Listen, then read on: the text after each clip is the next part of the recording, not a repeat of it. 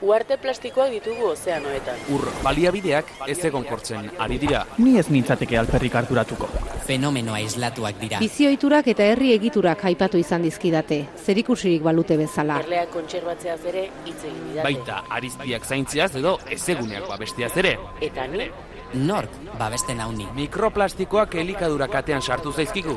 Ez zer ez da perfektua. Bioanistasuna galtzeak atzera bueltarik gabeko ondorioak izan ditzake. Lasaitu zaitez, ez da inbesterako izango. energia erabilerari eta garraioari loturiko isuriak izugarriak dira. Ez du nik erabaki horrela izaterik. Aro geologiko bat markatzeko adinako eragina izan dugu. Evoluzioaren aztarna, arro, egoteko modukoa benetan. Baliabideen erauzketak arrakala sozialak handitu ditu. Zer diozu? Nik ez dut alakorik egin. Eragindako inpaktuak direla eta muturreko fenomenoak ugaritu dira. Nire inguruan ez dut hori sumatu. Euri azidoa bertan da. Bizitzak aurrera darrai. Bai? Ziur, Gelditu makinak. Gelditu makinak.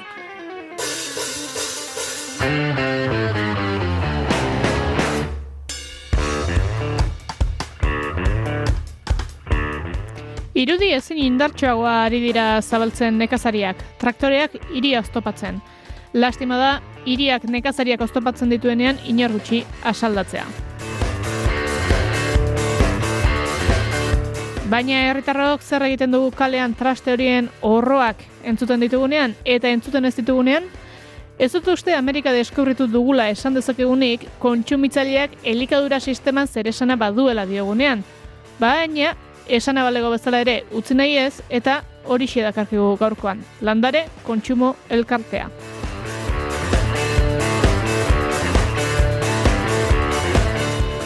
Iruñerriko produktu ekologikoen kontsumo elkarte honek hogeita margarren urte horrena ospatu du eta halako ibilbide luzean garatutako gakoak ekarreko dizkigute goiatz goini landareko kideak eta pituk Reas Nafarroako komunikazio arduradunak.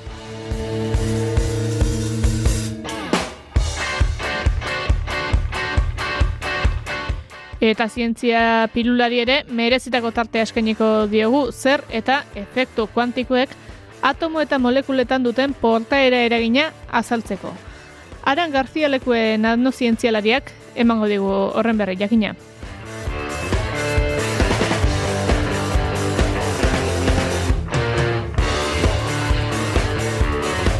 Tira ba, hau esan da, etzaigu saio astea besterik geratzen denboraldiko lan erdiak osatzera, badator, gelditu makinak saioaren laugarren denboraldiko hogei garren atala Utcu dárom, madárom, kapuba vár a párom, kettő vagy három, kapuba vár a párom. Hajat utcám a lelki, máli lisztes a térdi, hely, dudáj, ma dudáj, holnap mindig aludjál. Utcu dárom, madárom, kapuba vár a párom, kettő vagy három, kapuba vár a párom.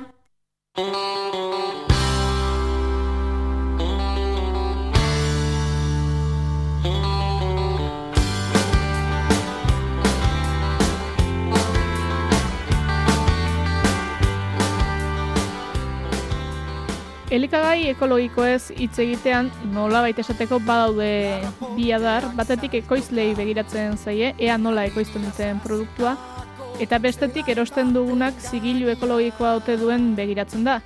Uste izateko da bide bat beraren bizati direla, baina eskarmentuak erakutsi digu uste izatea ez dela beti nahikoa.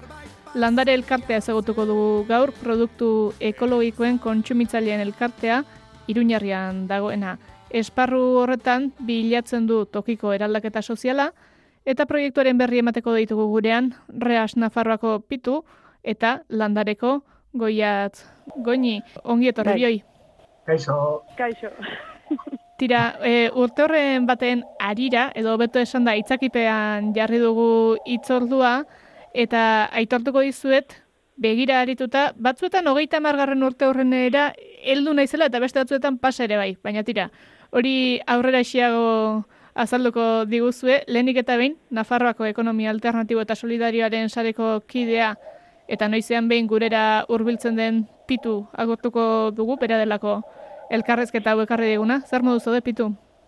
kaixo, eh, egunon, ba, ongi, ongi hemen hemen gabitza ur- e, gaur e, sorionak e, abestu behar genuen, baina igual e, pasa egin gara, hogeita margarren urte horretaz, e, dena den, e, bueno, ba, itzaki ezin hobea zen e, landare bezalako proiektu bat e, ezagutarazteko, e, Iruña herritik at, e, zeren, bueno, ba, Iruña, Iruña, Iruña herrian, Nafarroan, e, nahiko ezaguna da, bereziki hemen e, Iruña herrian, baina, bueno, ba, Euskal Herria, Euskal Herriko beste txokoetarako igual eredu garria edo eredu bat e, izan daiteke, ez, e, proiektua oso, bueno, ba, ikusiko ezagutuko dugunez, ba, ba, ea, ea segitzen zaizuen. Horrela aurkeztuta ez dago zalantzarik luxuzko gonbidatu da edo laguna ekarri diguzula, eta hori da, ez esan bezala, goiatz, goini landare elkarteko kidea. Ongi etorri olatz, zer modu zabiltza? Oso ondo, kaixo. Tira, e, pitu sarreratxo bat egin digu, baina zuri luzatuko dizut galdera, landare kontsumitzaileko e, elkarteaz hitz egingo dugu, baina konta iguzu, zer da, zer da landare bere hortan? Bueno, landare gauza asko, ez? Alde batetikan ekoizlen, a, bueno, nik uste bela hogeita hamabi urte elkartu zen talde hipiero hauetako bat, ez? Bere kontzientzia desberdina zala soziedade honetan zegona, ez? Eta hasi zian sortzen behar batzuk eta nahi zuten bai inguru giroa, bai e, sozialki, bai e, ekoizleak, bai jaten zutena, pues e, e, parekoa, osea, ekilibrio batean egotea, ez? Eta horrek, horrela pixkanaka, pixkanaka, lehenengo am, almazen txiki bat, gero onditu, onditu, gero langile bat, gero gehiago, eta orain ja gea, hogeita zortzi langile, eta bueno, niretzako landarek, bai, denda bada, e, bazkideen denda bada, baina gauza asko dauzka gero ere atzetik, ez? Niretzako da, bueno, planeta honetan, egin aldegun gauza txikienetako bat, niri tokatzen zaiten e, arloan behintzat, naizela barazki eta frutaren arduraduna. Bueno, niri tokatzen zaitena da ekoizleekin e, e, ibiltzea, eta beraiei intermediario guztiak edo bitart- bitartekari guztiak entzea. Eta, bueno, lortzen ari geha, lan asko dauka, atzetik, baina bai sozialki, bai ekonomikoki, bai lurraren, ez, kontzientzia, gauza asko lantzen dira hor, niretzako garrantzitsua da. Gauza gutxi egiten ditugu, baina egiten egiten duguna maitasun asko egiten dare bai, ez? Hmm. Hor bada esan bat gainera, ez? E, iraultza egin nahi duenak e, gutxinez egunean hiru aldiz baduela horretarako aukera eta noski elikatzea ez delako jatea bakarrik. Eta aipatu duzu, eta bueno, ekologikoa terminoa aipatu dugulako, eta ea zuek nola ikusten duzuen, zeren badirudi batzuetan gastatu xamarra ere badagoela ekologiko termino hori. Denari esaten zaio ekologikoa dela, denak iradokitzen dugu ekologikoki ekoiztua dela, baina zuen ustez ekologiko izateak zer lakar berarekin? Niretzako egia esan aspaldi ekologiko hitzak edo sigillo horrek ja ez daukala niretzako behar dun guztia. Ze niretzako gauza gehiago egon beharko zian sei horren atzetik, ez? Lehenengo gauza, lehenengo gauza, hau ari naiz hitz egiten goiatz bezala landareko langile bezala, eh? Landaren gauza guztiak egiten dira bileran, hitz egiten da junta bat badago, e, borondo moduan lan egiten dutenak, kriston lana egiten dute atzetik, eta hau, e, puntu hau askotan egonda mailaren gainean, ez dakigulako noraino nahi dugun bai ekologikoa bakarrik, bai gertutasuna, bai konfiantza, non dago muga, gauza asko daude justo honen atzetik, ez? Ni goiatz bezala, e, eta barazkien arduraduna bezala, nire eskutik pasatzen dira ekoizle guztiak, nirekin hitz egiten dute ekoizle guztiak, freskoan eta zitzketan, eh? Eta, bueno, ba, nik egia esan, txinako pipa batzuk ekologikoak, pesetzaizkit oso ekologikoak iruditzen. Ne, hori nire iritzia da, eh? Orduan, bueno, pues, eh, juntako mailan askotan egonda, eh, pues, duda hau, ez? Zer egin? Edo bakarrik ekologikoa, edo nola ere konfiantza bat euki norbaitengan sei hori gabe, ez? ze bai, zei hori gabe konfiantza baina zer analitika bat beharko da, zerbait behar da, ze ez dago beste modurik ere konfiantza hori hartzeko, ez? Hmm. Orduan, bueno, gauza asko daude honen atzetik, ze niretzako, e, kasu honetan, ondo egiten ari dianak e, ekoizle ekologiko, biologiko, dio, bi, biodinamika, nahi dezun, bez, ez, agroekologia, baserri, e, bio, ez, e, biodiversidadea, guzti horrek daukana, bai, baina noraino, ez? Eta hoiek egiten dute, ondo egiten ari dira, eta hoiek ordaindu behar dute, ez zait ondo iruditzen. Gaizki egiten dutenak, insumo guztiak botatzen dituztenak, kimiko, e, sintetikoak erabiltzen dituzten guzti horiek, ez dute ordaindu behar, egin alduten nahi dutena. Non dago hor muga, ez? Niretzako, ba, eske badauka honek, badauka mamia. Bai, mami haundi xemarra dauka, ez egit, e, pitu mikroa Bai. itzali dizut. E, bueno, e, nik ba, e, landareko bazkidea naiz eta azteko erosketa hor egiten dut eta bueno, ba, nik landaren ezagutu ditut e, produktu asko e, baduela urte batzuk e, igual hemen Euskal Herrian ekoizten ez edo oso zaila zela hemen ekoiztuak e, aurkitzea adibidez e, esan dezagun tofu, ez? E, tofu ba, nik uste dut e, orain e, Euskal Herrian ekoizten den tofua aurkituko dugula, baina garai batean, nire ustez, pues, ez, da- ez dakit asko egongo zenik ez, eta kanpotik e, etortzen zen, kao, e, horrelako produktuak e, landaren aurkitzen dugu, ez, ba, procedentzia, jatorria e, oso ba, urrunekoa izan daitekena, baina, claro, badaude, oza, batzutan produktu batek e, naiz eta kanpotik ekarri ba, merkatua egin behar du, eta gero ziurrenik sortuko da norbait e, e, hemendik e, so, egiten duena, hori alde batetik ez, eta bai egia da, ba, ekologikoa markarekin gaur egun produktu asko e, saltzen dela, eta ez dena ekologikoa, ba, kilometro zero ez delako, e, bere koizpena jasangarria izan ez delako, inguruarekin errespetua e, ba, ekoizteko errespetu gutxi edo e, igual e, ez, den, ez dena egin eta gero badago beste eta nik uste dut azken aldi honetan e, mai gainean dagona ba, pertsonekin ere edo pertsonekiko ere errespetu e, errespetuaz e, egina izan behar dela produktua. Nafarroan e, landa eremuan badaukagu e, baratza oso aberatsa, ez?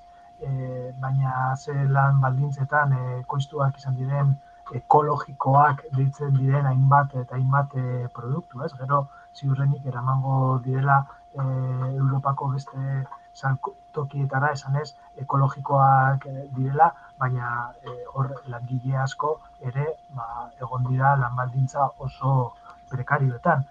Orduan, bueno, beti izango ditugu produktu batzuk kanpotik ekartzen ditugunak, kafea adibidez, ez?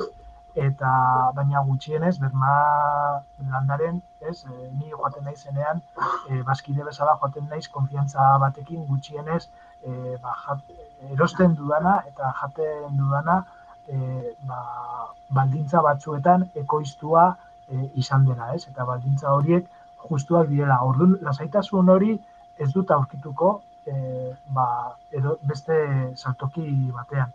Eta, bueno, ba, badakit kon, beti kontrasanak izango ditugula, baina landaren gutxienez hori pentsatzen dut e, saiatzen dela bermatzen. Agian hori da, ez? E, kontsumitzaileari edo erostleari bermatzen diola ba, elikagaiak modu arduratsuan erosteko leku bat eta ez norberak eraman beharra kontrol hori, baizik eta hori ja bermatu xamarra dagoela hori da landarek bermatu nahi duen kontuetako bat?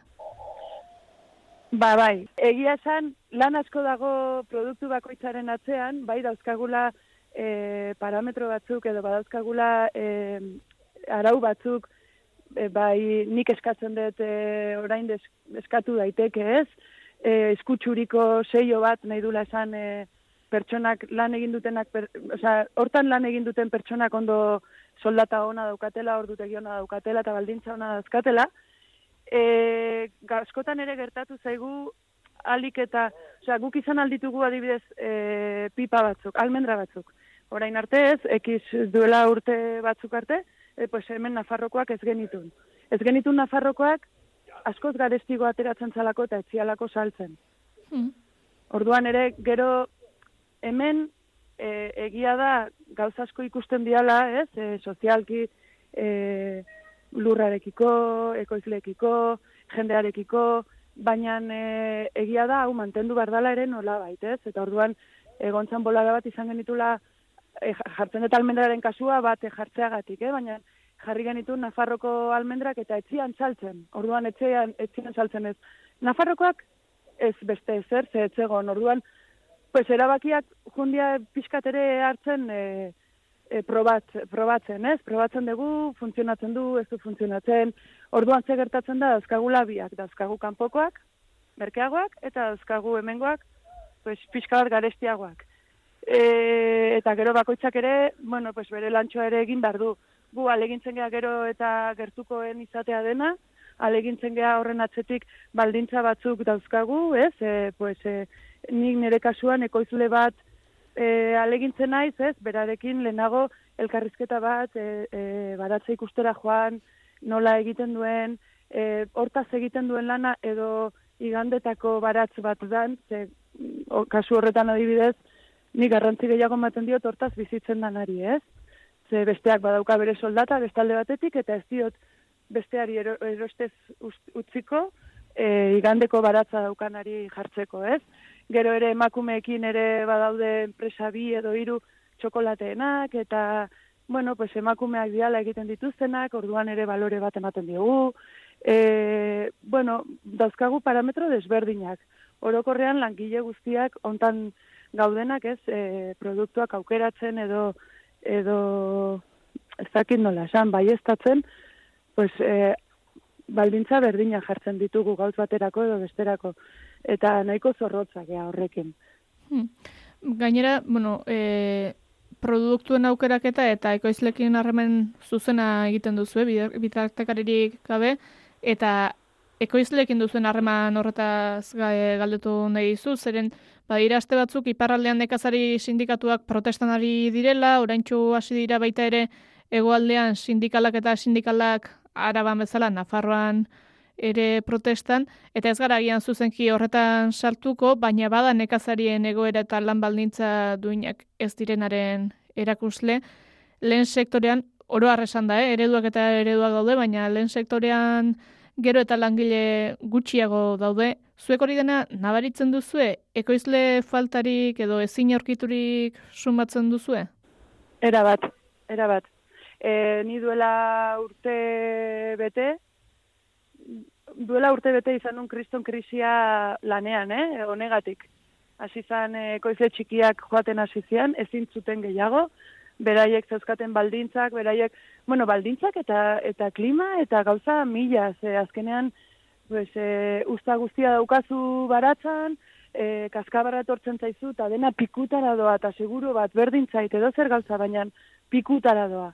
Orduan, ja, ezin dezu saldu, lau hilabete zeukidezu baratza ustarekin eta ez dezu ez erreko hor, bueno, gauza pila, ez? Eta gero eta gutxiago daude. Horregatik nire lana hemen landaren, hori da nik ez, egin aldeten gauza bakarra dala beraiek lagundu. Aldik eta gehien, ekoize txikiak maite ditut. Osea, eske behar ditugu.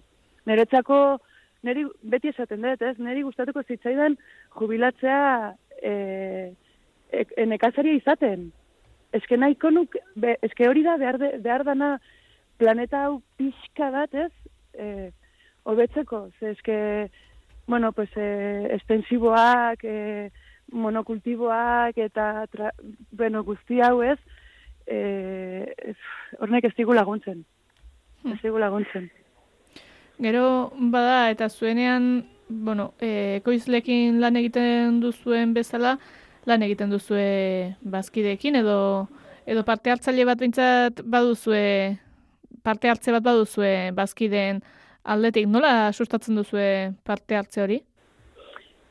Ba, bazkide egiten zanean, e, badago kuota bat ordaindu behar dana, bazkide egiteagatik, eta gero badaude bi ordu urtean, bueno, ba, ba inondendan gurekin lanean, edo bakoitzak dakien zerbaitetaz kurso bat, txarla bat, e, edo zertaz gainezke berdin du, ze, e, lau mila pertsonak, la, nik uste lau mila inguru gaudela, lau mila bazkide inguru, eta denen artean beti badago norbait gustatzen zaiona, ez dakit, e, e, ez dakit nola esan, edo zer gauza, bai, e, txirrinda bat konpontzeko, guatzen nahi zehontzan bolara bat, e, e, bazegola emakume bat, erakusten ziola jende helduari txirrindan ibiltzen. Eta niretzako hasieran zen, como, venga, ya. E, que, pues bai, kriston arrakasta, jendea oso konten, berak bazeukan teknika berezi bat txirrindan ikasteko, eta jende heldu etortzen zen bere txirrindarekin, eskutan eta joaten zen txirrindan igota. Bueno, pues, badia gauza txiki hoiek nik esaten detena beharrezkoa diala, ez, e, mundu hau pixka taldatzeko poliki-poliki, eta pues, parte hartzaile honetan ere, pues, badira, mila buru, motu, mota desberdinetako buruak, eta bakoitzak daki ona da zerbaitetan, eta erakutsi alizateko modu bat, ez? Eta beste guztiak hortaz ikasteko. Orduan, badago jendeak ez dula ez da orduak ez ditula egiten, orduan badago hogei eurotako multa ez, ze ez da multa, baina ez zaititza hori gustatzen e, izuna, baina e, bai, bueno, pues ja etza etorri, pues ordaintzen dituzu hogei, ordu, hogei e, euro. Eta bestela, pues hori gurekin etorri dendara, jakin nola egiten dugun lana, jakin nola gauden barruan, nola izaten dian goizak, ze jendeak askotan pasatzen ditu hemen bi ordu gurekin, ez dakit ez, lehenko egunean e, naranja pale bat e, deskargatzen erekin, eta esaten, jolin, pero, pero, si, si, ja, saldu dena, baina, ze gertatu da, baina, horren egunero, egunero, egunero genero pila bat sartzen da, egunero genero pila bat ateratzen da, e, eta ordu hauekin ere bai nik uste egiten duena da, bakoitzak bere denda hau ere ikustea berea dala, ez? Bere etxeko despentsagoa, osea, ez da supermerkatu normal bat. Orduan, jendeak horre parte hartzen dunean ere bereago zendu eh, denda honen sensazioa, nire ustetan, eh? Zituk esango dizu beto. Bai, justo hori aipatu behar, bueno, ni naiz eh, isun hori, komien arteko isun hori, ordaintzen horietako bat, ez? Ez, ez ba esan, Euskal Herri oso ari da entzuten, eh? bai, eh, pues, eh, bueno, ba, azkenean, eh, ez dakit, ez da, ez da bat ere pereza, zen, eh, bueno, ni landareko langile asko ezagutzen ditut, eta egia esan, ba, goiatzek aipatu duen bezala, zartzen zarenean, e, etxean bezala zaude, e, aurkitzen zara, oza, ez da leku arrotz bat, e, zure denda ere badela, bueno, aipatu behar da, gainera, biden da, e, ditu da landarek e, bat e, arrotzapean eta beste bat e, e, atarrabian, e, han e, jateko edo erosteko e, zera, bazkidea izan behar zarela, orduan komunitate txiki bat da, iru mila tapiko lagunez, e, iru mila tapiko bazkide, eta gero, ba, bazkide horien bikote edo lagunak e, baita ere erosketa egin dezakete. Orduan, e, bueno, ba, familia handi bat e, da, ez? Eta nik uste dut, e, ba, bai langileekin, e, bai jendearekin, beti joan beti aurkitzen duzu norbait ezaguna, hitz egiten duzu, ba, bada saltoki bat, e, baino askoz e, gehiago, ez? Eta egia san, ba, ikusten duzu, jendea, ba, bere bolondrezeko orduak egiten, eta ba, nik pentsatzen dut ere ba, horrek laguntzen duela igual ba, ba, goiatzek aipatu duen bezala beste zerbait e, ikustea, ez? E, ba, hori, ba, produktu horiek nondik etortzen diren, nortzuk dira e, produktu horiek ekartzen dituztenak, e, jo, ai, ba, ekoizlea bera da, ez? Ekartzen dituena letxugak edo e, tomateak e, ekartzen dituena eta ba, bueno, ba, errealitate hori ezagutzeko ba, aukera paregabea. Gero ez dakite goiat, e, hori igual aktibi, e, antolatzen diren aktivitate horietan ez dakit parte hartze e, dagoen, baina baina bueno, horrenik batzutan ikusi ditut e, jakintza oso ezberdinak e, e, plazanatzen direla. Bai, bai, bai, denetik, denetik hori esaten, hori da, horren beste pertsonen artean, gauza, Osea, anistazun zugarria dago, orduan denetik, eta batek, igual ez, nik adibidez, duela urte batzuk ezagutu nun, arigumi, arigami, ez dakit nola ditzen dian, ipui batzuk egiten diala itzal batzuekin. Pues ez neukan ideiarik zertzan, duela urte batzuk a- etorri zan emakume bat ipui hoiek kontatzera aurrei, eta egondu nintzen, eta flipatu nun. Pues ez duen ezagutzen, eta hola mila gauza, bakoitzak bere jakin dure, jakinduria, ez, jakintasuna, edo, pues hori, besteengan e, matea, pues niretzako, jo, eske oso aberasgarria iruditzen zait. Mm. Eta gero ere badaude bisitak beste ekoizleen e, baratzetara, e, kimatzeko ikasten e, zagarrondoak kimatzen. Urrengoan e, azeitunaren ez dakizer, e, olioa, bueno, mila gauza egiten, niretzako oso aberasgarria da. hau. Ikusten dena bada gainera, bueno, ba, alako proiektu batek pitu berak aipatu du, ez? E, gauza asko eskaintzen dizkiola bai bertako bazkideari, bertako familia txorri edo komunitate horretan onura desberdin asko dakartzala, eta era berean pentsatzen dut horrelako zerbaitek ere balio duela kanpora begira, ez? Edo horrelako proiektu batek albidetu dezagela beste proiektu batzuen sorrera izan ba nekazarien aldetik, ekoizleen aldetik, ez daki tala den edo nola ikusten duzuen. Bueno, nik uste formula desberdinak ere badaudela, ez? E, ez du zergatik izan behar ere horrela, badaude beste elkarte batzuk, ez, e, ez dianak bazkide, edo ba, bazkide bai eta besteak beste batzuk ez. Guk adibidez ez dugu diruarekin ordaintzen, guk e, bankutik egiten dugu, horrela guk ez dugu dirua ikutu behar, ama ostegunetan behin pasatzen da bankutik zuke gastatu dezun guztia, eta, eta prau ez. Orduan, Bueno, e, badaude, askotan astero deitzen digutu jendeak, aizu nahi dugu hasi, ez dakize proiektu, gu egia esan beti e, utzi diegu, osea, utzi diegu behar dituzten telefono guztiak, e, eman dizkiegu, bueno, lau pintzelada, ez, ez dakit ere, ez, ez du zergatik beti berdina izan behar ere formatoa, gere ikasi dugu beste batzuengan beste funtzionatzeko modu bat, orain adibidez e, segurazki aldatu behar dugu programazioa, ze bueno, hau gelditu zaigu pixkat eh, atzeratua, gauz guzti hauek ere aurreratzen joan behar dira, eta landaren, bueno, pues beti egon geha pixkat atzera gauza hauekin, orduan, bueno, badia gauza asko ikasten dituzula beste batzue, beste batzutatik, ez, e, duela lengo urtean egon ginean ere bisitan e, iparraldeko beste elkarte batean, bueno, eta iruditu zitzaidan ni maite mindu nintzen, maite mindu nintzen.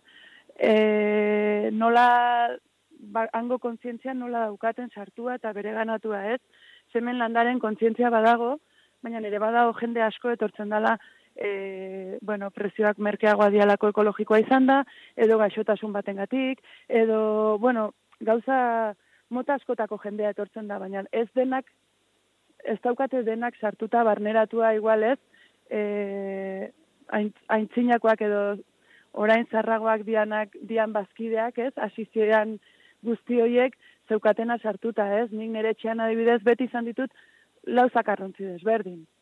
Bat, oioentzako bestea plastikoa, bestea papera, bestea zakiz baina ni txikitatik e, izan dut hori etxean, orduan gaur egun ja hori sartuagoa dago, baina ni txikian nintzenean era larrara. E, e, egia esan, e, zergatik e, eta nola gerturatzen zaren beste kontsumo eredu batera, e, bueno, ba, bide ezberdinak e, egon daitezke, ez? E, azkenean, em, helmuga berdina bada, bueno, ba, ba, ospa, ospatu dezagun, ez? Esan nahi dute batzutan, e, batzuk e, gerturatuko gara, ba, sanoago e, jan nahi dugulako, beste batzuk gerturatuko dira, ba, zuk esan bezala, ba, ba, prezioagatik edo, edo etxe azpian daukatelako, eta nahiago dute kotxea esartzea, ba, ongi, ongi etorriak, ez? Eta beste batzuk igual, ba, daukate, ba, taula balore oso zabala, eta eta ikusten dute landaren ba, guzti bal, balore guzti horiek e, betetzen direla. Argi dagona da eta pixka bat erik esaten zuenarekin lotuta e, e, zera e, Nafarro mailan e, agroekologian lan egiten duten hainbat eta hainbat e, nekazari eta e, ba, zaitasunak izan dituztela haien produktuak merkaturatzeko, ez? Eta nik uste dut hor landarek bai e, ba, bere ekarpena oso importantea egiten duela. Azkenean, irumila, irumila bosteun bazkide, badira familia asko, jaten dutenak e, iaia astero, ero, erosketa egiten dutenak e, landaren, eta hor produktu asko salduko da, ez, e, goiatz? Pila bat, pila bat, egia esan izugarria da. Ni frut, e, e, barazki eta frutarekin lanean, e, badakit, e, bueno, bai, asko, ez dakit, e, lenguan egon du nintzen, e, ez dakit, orain ez dut esango ze buruz ez dakizkit, baina milaka letxua saldu ditugu aurreko urtean. Milaka kilo platano, milaka kilo patata, milaka kilo e, tipula, bueno, platanoa ez da hemengoa, ez? Baina bai bai dala, ez dakit zergatik handa e, salmenta top e, platanoa. Ez dakigu zergatik. Baina bai, hemen e, inguruko ekoizle guztiak badaude batzuk, bueno, pues, e, askotan esan digutela, ez? Eskerrak landare hor dagonik, hor dagoen, ez? Ze saldu aldute daukaten guztia. Gero e, bada eta agian aipatuko dugu eta importante iruditzen zaite esan duzuena eta baita ere ikusteko ederra da batzuetan badirudi ekologikoan erosten duena dela kontzientzia maila izugarria duelako eta e, zait klixe hori bezala dago baina bueno arrazoi asko egon daitezkela alako saltoki batea era hurbiltzeko eta izan daitezkela ba ekonomikoa hurbiltasuna.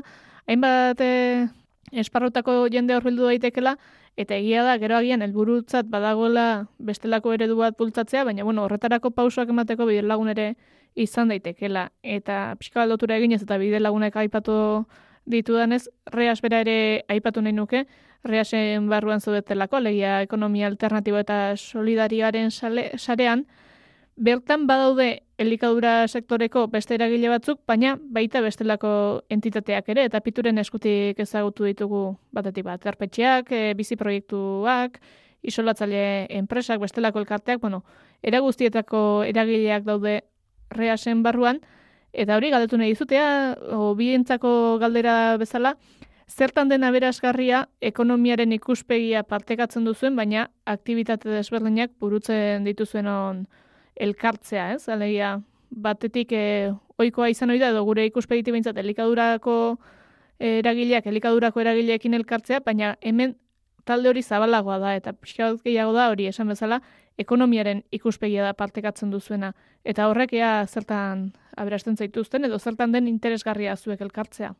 Bai, bueno, nik begire eta banuen eh, horren inguruko galdera aipamen bat eta zen eh, ba, e, landare azkenean barne biltzen dituela e, ekonomia solidarioaren e, printzipioak, ez? Eta hor, e, koherentzia bat e, mantentzen dela, edo saiatzen dela mantentzen. Adibide bezala, e, zuen webgunean bertan, aipatzen da, ez? Ba, energia e, koiener e, kooperatibarekin e, eta euneko euneko eune, euneko eun e, berreztigarria dela. Orduan, e, bueno, ba, hor ikusten da, ez? Azkenean, sare baten barruan e, zaudenean, ba, okera duzu, ba, besteek egiten ari direna, edo besteak egiten ari ezagutzeko, eta baita ere, ba, hori zure proiektuan e, barneratzeko. Kasu honetan, ba, bueno, ekonomia sozial eta solidarioa bintzat oso garrantzitsua da elikadura buru jabetasuna, ez, edo buru jabetza, e, argi dago elikadura da zerbait e, ba, guztiok e, daukaguna, behar duguna, da zerbait oso e, zentrala eta horregatik ere landare hain garrantzitsua da e, gure gure sarean. Eta nik uste dut, ba, baita ere horrelako komunitate batetik, ba, beste proiektu ekonomiko batzuk ere sortu e, daitezke edo mm, aprobetsatu dezakete e, landare bezalako gune bat e, haiena e, bueno, ba, martzan jartzeko edo, edo zabaltzeko. Hemen ari gara e, hitz eta pitz edo landareren bueltako kontua ateratzen, baina ez dugu aztu behar eta asera aseran esan dugu, ez? Aitzakia baten itzalpean elkartu garela, eta hori da, hogeita margarren urte hurrena ospatzen ari zaretela. Kontua da, bueno, le, lizentzia pixka bat hartu duzuela ospakizun dago hogeita margarrena dela aipatzeko ez da? Bai, bueno, hogeita mabi urte egiten ditu aurten, eh? E, Piskat atzeratuagoaz, e, bueno, esan nahi dut, egin dugu dok, dokumentale antzeko bat eginda esplikatzen zeintzu gehan, nola gehan, zer geran, ez? Eta orain bukatu da, eta horregatik orain hasi da jendea pixka bat ezagutzen gehiago, ez? Baina, pues, e, hogeita mabi urte egiten ditugu, bai. Egia esan, eretzako pila da, egia esan, eh? Horrelako proiektu bate mantentzea hogeita mabi urtez, niretzako, ez dut esango, e, ez dakit, triunfo, ez dakit, ez dakit ze hitz erabili ez, baina nei ba, unkitzen hau ez, e, mm. hogeita mabi urte zelako proiektu batean, e, eta bueno, nik amala urte dara mazkit parte hartzen hemen, hor lanean, orduan ikusi dut ere nola egon gehan lehenago, geroago, kasu askotan, onera, txarrera. Zer nabazmenduko zenuke goiatz e, egindako ibilbidetik? Bueno, denetik, lan asko, lan asko, ze orain garaiak e, obedoaz, baina denetik izan dugu, lan asko. Hemen e, bere garaian lanea sartzen ginen guztiak, kontzientzia bat genuen barruan, eta proiektu hau aurrera ateratzea nahi genuen, ez du esan nahi oraingoak ez diala, orain beranduago sartu dian langileak ere ez daukatela kontzientzia hori ez, baina leno ginen lau. Eta, bueno, pues, e, gertutasuna, familia, e, momentu txarretan e, jende asko hurbildu zaigu, e, uordiak egon dianean, e, alde batetik zenun hor kriston lokatz pila gerriraino, baina beste alde batetik zenun herri guztia zuri laguntzen, eta gauz hauek nik uste bakarrik olako lekutan gertatzen dira, bueno, bakarrik ez, baina olako lekutan e, oiagoa da ez, gauz hauek gertatzea. Hmm. Aipatu beharra, Eli, e, gure entzulek asko eta asko ez dutela ezagutuko oso ongi zein den e, e, iruñerriko egoera, edo iruñeko egoera, baina ipatu behar da, e, bai arrotzapean eta bai atarrabian e, landare dendak, dauden dendak, e, daude e, arriskutsua den eremuan.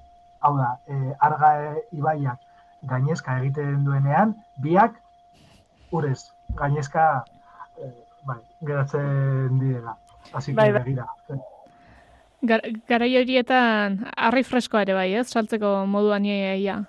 Bai, bai, bai, bai, bai, bai, baina lehenengo aldian atarrabiko dendan, erreka parean genula denda, denda txikiagoa zan, metro iruro gehi sartu zan denda barrura. Eta dena bo eraman zuen. Asalduzian gure jogurrak, ez dakizen ba kilometro erreka bera. bueno, eh, horrez gain, bueno, irauten, idatzitan neukan, eh? irauten duen proiektu bat, baina bueno, ikusten da iraun eta biziraun eta denetik egin duzuela alako uoldeekin. Baina kontua da, eta hori dela, bera, hori bera dela erakusgarri ez, e, hau ez dela sorte kontuz bakarrik mantentzen, badagoela atzetik atxikimendu handi xamar bat, eta biz, e, bazkide kopuruari begiratuta ere, irumila eta piko bazkideren sustengua, hori ba, aseguratuta behintzat ez, e, hortaz kanpore gehiago badira, bai eman dezakela pentsatzera eta ohiko joera ikusita zabaltzeko modu ere izan daitekela. Ez da zentzu horretan baloratu duzuen inoiz zabaltzearen ideia edo landare handitzea, beste zonalde batzuetara zabaltzea iruñerretik? Bueno, denetik dago, ez? E, asambleako urtean behin egiten da asamblea bat, e, bazkide guztientzako, han erabakiak hartzen dianak eskerrak ez datu zen denak, ez ginak esartuko, baina e, hor erabakitzen dira gauza asko eta beti, beti, beti dago ez puntu hori. Beste denda bat ireki, ez ireki, non ireki, nola ireki. E, bueno, denetik, orain ere azkeneko lehen urteko asamblea orokorrean erabakizan, bueno, pues iruñerrian, landareko bazkidezianak, ezintzianak dendara etorri, pues agian, e, bi ordutako bo, bueno, ez, e, bi orduta sartu behar dituzten pertsona batzuk, e, pues erosketa eramatea etxera, edo gerturatzea, edo erosketa egitea, eta, e, pues hori, gauz ezberdinak, proiektu ezberdinak badaude. Gero ere, larraungo baiaran ere, beste zerbait hasi nahi da, ez dakigu oraindik etzaio eman forma, gero ere bueno, ekoaldekin ere hor sartutak beste proiektu bat jangelekin, beste, bueno, ez dakit, gauza asko daude, ez? Hmm. Gero estatu mailan beste elkarte guztiekin ere askotan izaten ditugu bilerak, nola saltzen duten beraiek, nola egin aldegun erosketa bat denentzako merketzeko, baina oso oso zaila da hori gero ere. Ze, eh, non zentralizatu e, zenbat behar daukan bakoitzak, zeguk e, saltzen ditugun platano guzti horiek, ez? Pues, e, Sevillako denda txiki batek, gutxa batekin nahiko dauka, eta orduan ez, agian ezin du sartu ere sare honetan, ez? Baina, bueno, bueno, poliki-poliki gauzasko daude martxan eta ideiak jasotzeko ere irrikitan gaude. Horiek dira beraz aurrera begira ikusten dizkiozuen erronkak agian sa- sare zabalago baten parte edo beharrak modu espezifikoagoan erantzuteko gaitasuna garatzea? Ba bai, ba ez dakigu oraindik nola, baina bai, ze ikusten da behar hori dagola, ez? Eta gero ere ni batzutan e, konturatzen zea badaola jende asko, ez? Beha- beharra edo nahi hori daukana, ez? Eta beste modu batea egin nahi ditula gauzak, ikasi nahi duela, edo konturatu dala bere bere bizi moduak, bueno, pues agian ez du naila ez dakit nola esan. E, pues agian hasiko dala Nafarroko barazkiak jaten. Pues horretan, ez? Gertutasuna, e, bueno, badaude gauza, gauza asko, eta laguntza beti da ondo, ez? Ba, ez dira bat ere erronka txikiak eta eta eskasak ere. Beraz, bueno, horretan utziko zaitugu eta eskarrik asko goiat goini, landareko kidea gurean izateagatik, eta pitu zuri ere eskarrik asko gurera hurbiltzeagatik eta lako elkarrezketak ekartzeagatik. Badaukazu lana, eh? besteren bat bilatzen, guk eskuzabalik hartzen zaitugu eta. Eskerrik asko, bai, eta, bueno, Eskerrik ba, espero, asko. espero, espero gutxienez izatea, ez, ba, beste, igual beste leku batzuetan horrelako idei batekin ari direnentzat, ba, eredu bat eh, izatea, edo adibide bat eh, izatea, landare bezalako proiektua, eta lagungarria bada, pues, oso posible. Hori da, ea lagungarri den eta eredu gehiago ere badaudela, begiratu besterik ez dago ekonomia alternatibo eta solidarioaren arloan zenbat eragile biltzen diren, beraz, bueno, ba, dei horrekin hementxe utziko dugu sola salditxea, bale? Mila esker bioi. Eskerrik asko zuei. Agur, egun hona izan. Gelditu makinak, naiz irratian, Eli Pagolarekin. Elikadura kontuetatik urrunduko gara jarraian, izan ere batzuetan abilagoa gara geure mundua atomizatzen, atomoen mundua geuretzen baino aitzakia ederra da hori Aran Garzia lekue zientzialariaren azaltzenei leku egiteko.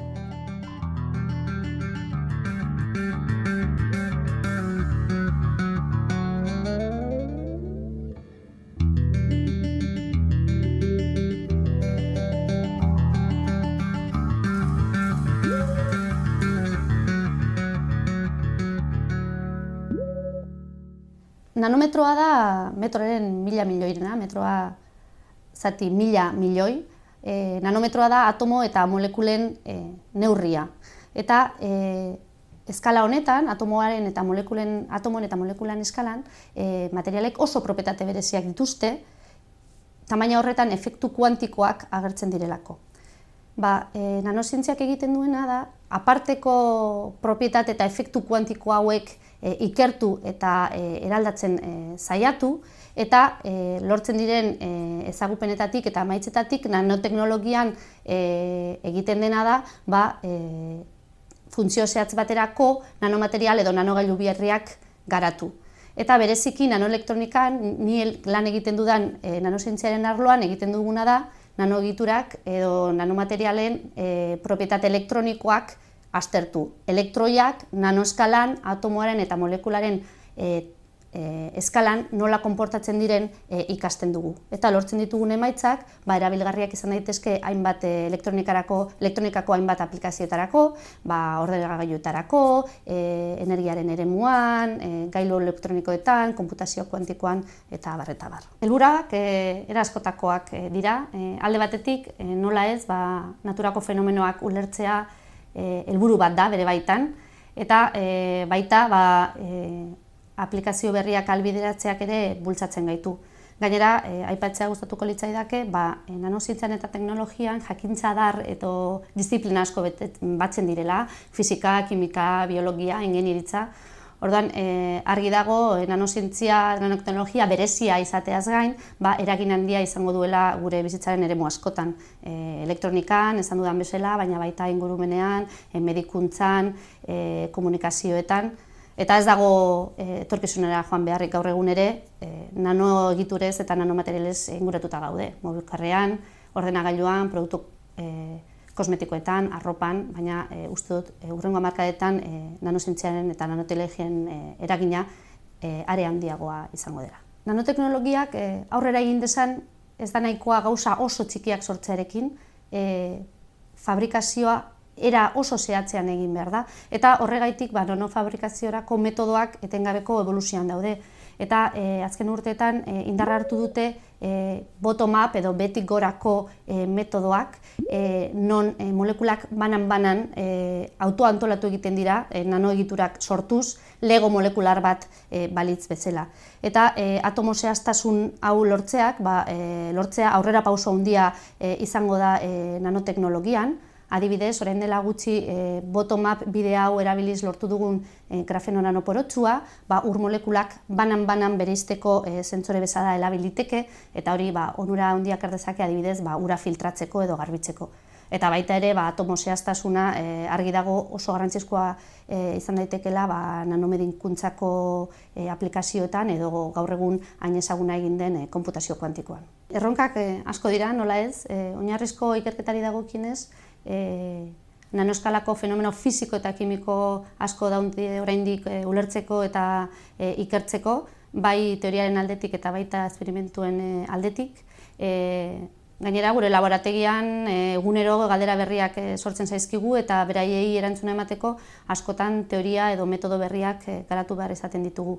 Eta ba, ikuspuntu aplikatuago batetik, e, agian ba, garrantzizkoa da e, benetan teknika nanoteknologiako e, aplikazioak irabiltzaileak aurrera eginteko beharrezkoa da ba, e, laborategiko baldintza e, e, idealetatik kaleko e, baldintzetara e, urratsa ematea, ez? Ze askotan e, aipatu ditudan nanoegiturak e, oso baldintza berezitan bakarrik funtzionatzen dute, guk nahi dugun bezala, e, izan daiteke bai presio oso bazutan edo temperatura oso e, bazutan.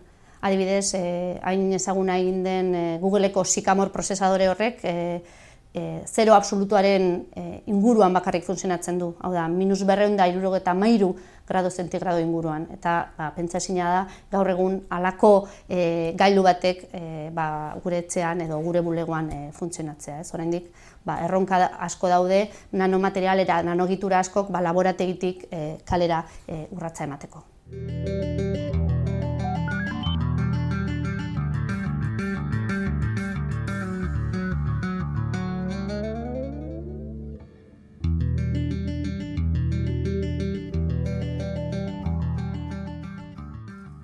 Gelditu makinak.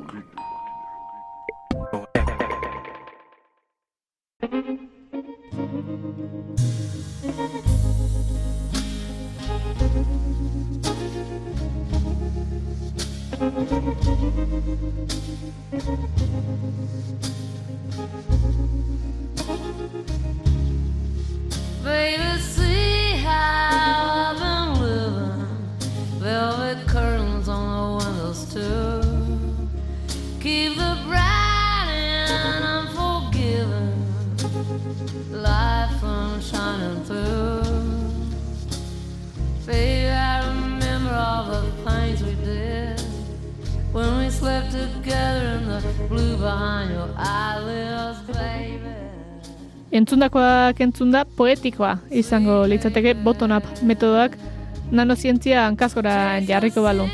Esango digu, Garzia Lekuek kontuak nola egiten duen aurrera.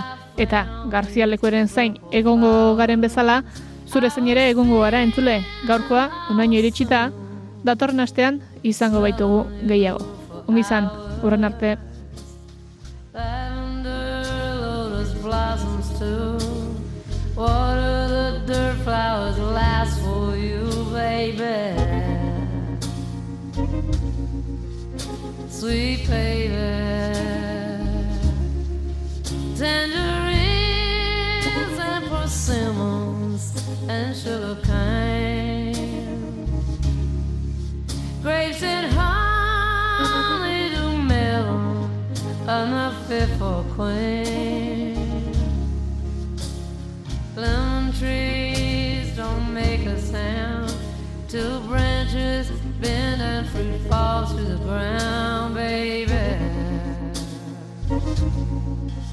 Sweet baby.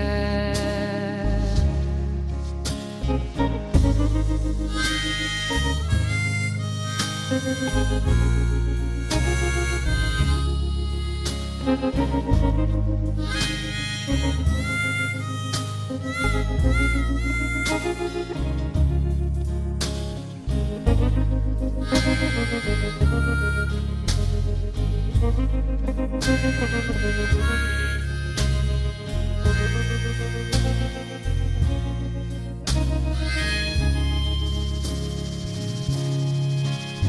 to my and wilderness, the way things have changed. Cause I finally did it, baby. I got of the grange.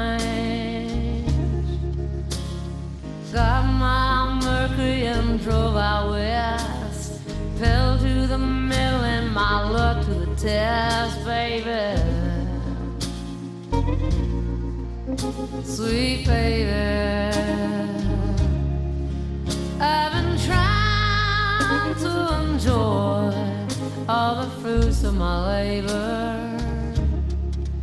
I've been crying for you, boy, but truth is my savior. It's all the same. Take the glory any day over the fame, baby. Sweet baby.